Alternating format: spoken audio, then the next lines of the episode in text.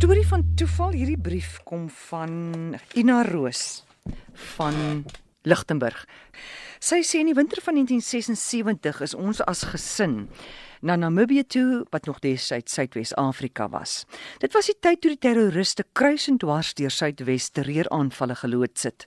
Almal het gewapen rondgegaan en die landsburgers was baie paraat. Ons het Gobabes toe gery van Windhoek af via Windhoek Gebabes toe. Daar het ons gekuier by 'n ou universiteitsmaat van my man en sy gesin. Van daar af is ons toe Etosha toe, heerlik daar gekuier van Etosha is ons toe nou Swakopmund. Nou my man glo aan kortpaaie vat en ons vind toe daar 'n kortpad, 'n pragtige oopgeskraapte grondpad wat bykans geen voertuie dra nie. Voet in die hoek dreun ons motor voort in die hitte van omstreeks 12:00 die middag op hierdie verlate goeie kort grondpad.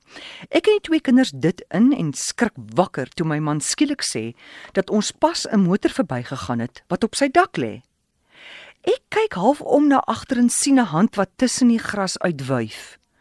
Ons hou dadelik stil en draai om net om 'n gruwelike toneel van 'n motor wat gerol het te aanskou.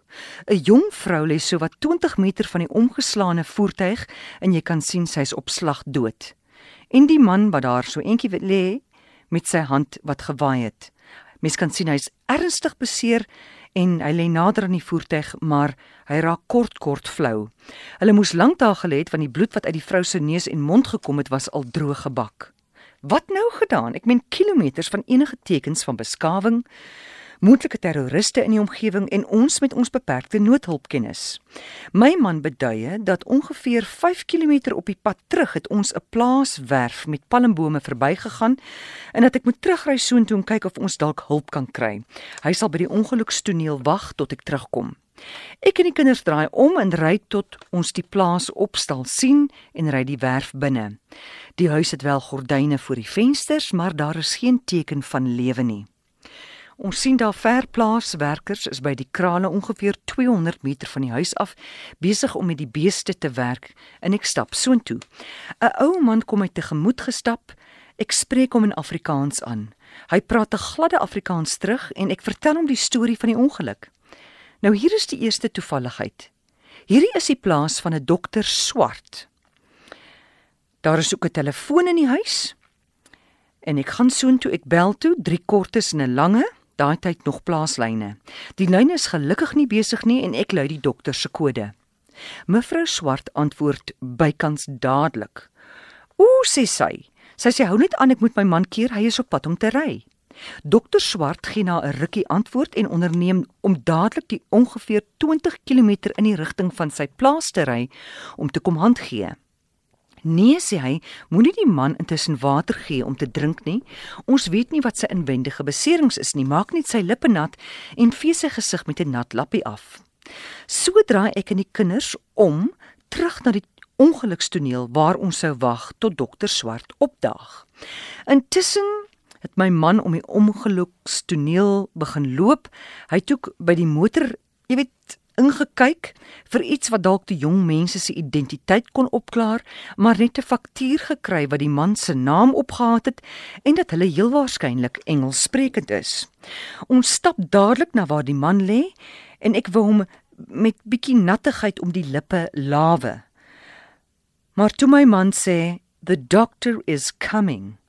Toe besef ek dat hy ons nie meer hoor nie. Ek voel aan sy polse en die slagaar by sy nek en weet toe verseker dat daar nie meer 'n polsslag is nie. Na wat soos ure gevoel het, kom die Land Rover van dokter Land Rover van dokter Swart by ons tot stilstaan met staalnetwerke voor die vensters. Dokter Swart met 'n revolver in sy holster om die lyf en die hele werke. Hier staan ons ongewapen en heel ongeduldig en wag op sy koms. Ja, deel hy ons mee. Die groep van 12 terroriste waarvan die nuus vol was, is verlede week hier oor sy plaas. Op ons mededeling dat die man ook minute terug moes gesterf het, sê hy dat hy reeds die ambulans ontbied het en onderneem hy om verdere reëlings te tref vir die versorging van die lywe of skus tog die lyke en die aanmeld van die ongeluk. Hy sê ons het 'n moeilike dag gehad, ons moet maar aangaan swak op moed toe. Donker aand kom ons uiteindelik in Swakopmund aan. Daar by die munisipale oord is hierdie huisies waar ons nou gaan oornag. Die sekuriteitswag neem ons toe na 'n piepklein rondawel sonder toiletgeriewe of badkamer. Ons was baie moeg en gedaan na so warm en ontstellende reis en my man vra of ons nie liewer in een van die groter chalets met beter geriewe kan tuis gaan nie. Die sekuriteitsman is nie baie gretig om dit toe te staan nie want die groter huisies word deur 'n Iran myn gehuur vir sy werkers. Hy is egter daar weg en kom terug met die sedels van een van die groter chalets waar ons toe dankbaar ons intrek neem, want die bewoners van die spesifieke huisie is die oggend met vakansie weg. Ek skuif die bak op die eettafel op sy sodat ons die laaste van ons padkos kan eet voordat ons gaan slaap. In die glasbak lê 'n salarisstrokie van die eienaar van die huisie. Die naam daarop stem ooreen met die naam op die faktuur wat ons op die ongelukstoneel gekry het. Noodloos om te sê hoe geskok en ontredderd ons was toe ons besef dat ons oornag in die huisie van dieselfde twee mense wat ons dood langs die pad gekry het. Moeg soos ons was, was die slaap die nag toe heeltemal verlore. Ek meen wat is die kanse?